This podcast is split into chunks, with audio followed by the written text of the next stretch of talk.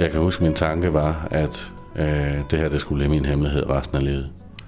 Der var aldrig nogen, der skulle have det her at vide. Den dag, jeg skulle ud og have svaret, var det den sidste øh, lune øh, sensommerdag. Da jeg tog ud på Bispebjerg den dag, der havde jeg ikke nogen øh, tanker omkring noget som helst. Det var jo ren rutinetest, jeg skulle ud og have taget. Det plejer jeg altid for en gang om året. Da jeg kom ud og skulle have mit svar, der sad jeg derude og ventede i tre timer. Øh, på et tidspunkt kommer der en dame frem i døren og kalder mit nummer. Øh, da jeg kom ind i lokalet, var det første, der skete, det var, at øh, øh, sygeplejersken sagde, at hun skulle desværre fortælle mig, at min HIV-test var positiv. Lige da jeg fik det at vide, der var det som om alt blodet det forsvandt fra mit ansigt, og jeg blev svimmel, og det var så virkeligt, øh, lige da jeg fik beskeden, at øh, et eller andet sted, så, så troede jeg faktisk, at, at det ikke var rigtigt. Jeg synes, det var en valid erklæring af en anden verden. For mig var det bare en retrosygdom fra 80'erne, som ikke burde ramme nogen i dag, som, øh, som havde sans til at, at passe på sig selv. Jeg følte i den grad, at jeg havde svigtet mig selv. Øh, det gjorde jeg. Det føles lidt ligesom at skulle springe ud en gang til. Øh, det har været lidt den samme proces, øh, som jeg har været igennem i det sidste halvandet år. Den allerførste, som, øh, som jeg fortalte til, det var øh, min bedste veninde Jane.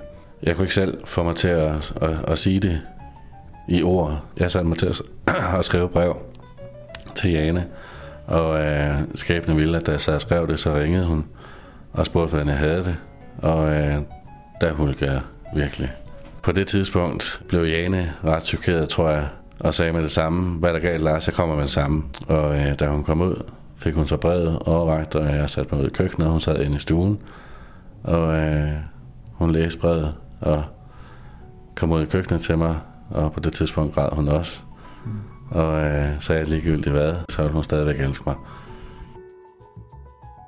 Min familie er faktisk det sidste, som har fået det at vide. De reagerede selvfølgelig øh, med tårer. Øh, min far var sikker på, at jeg skulle dø. Øh, min mor tog det lidt mere fattet. Hun har frygtet, at den dag skulle komme. Og nu kom den. Øh, at få lov til at dele med nogen gjorde, at øh, jeg kunne slappe af. Det var som om, der var en byrde, der alligevel blev løftet af mine skuldre.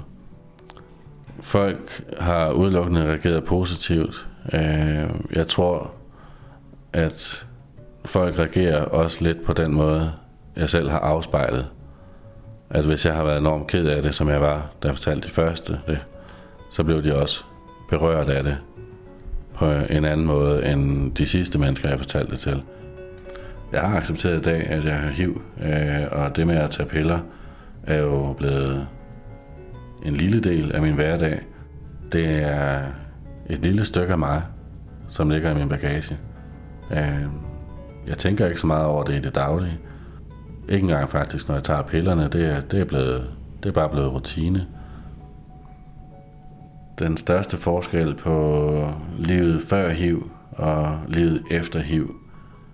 Øhm, tingene er ikke helt så simple mere.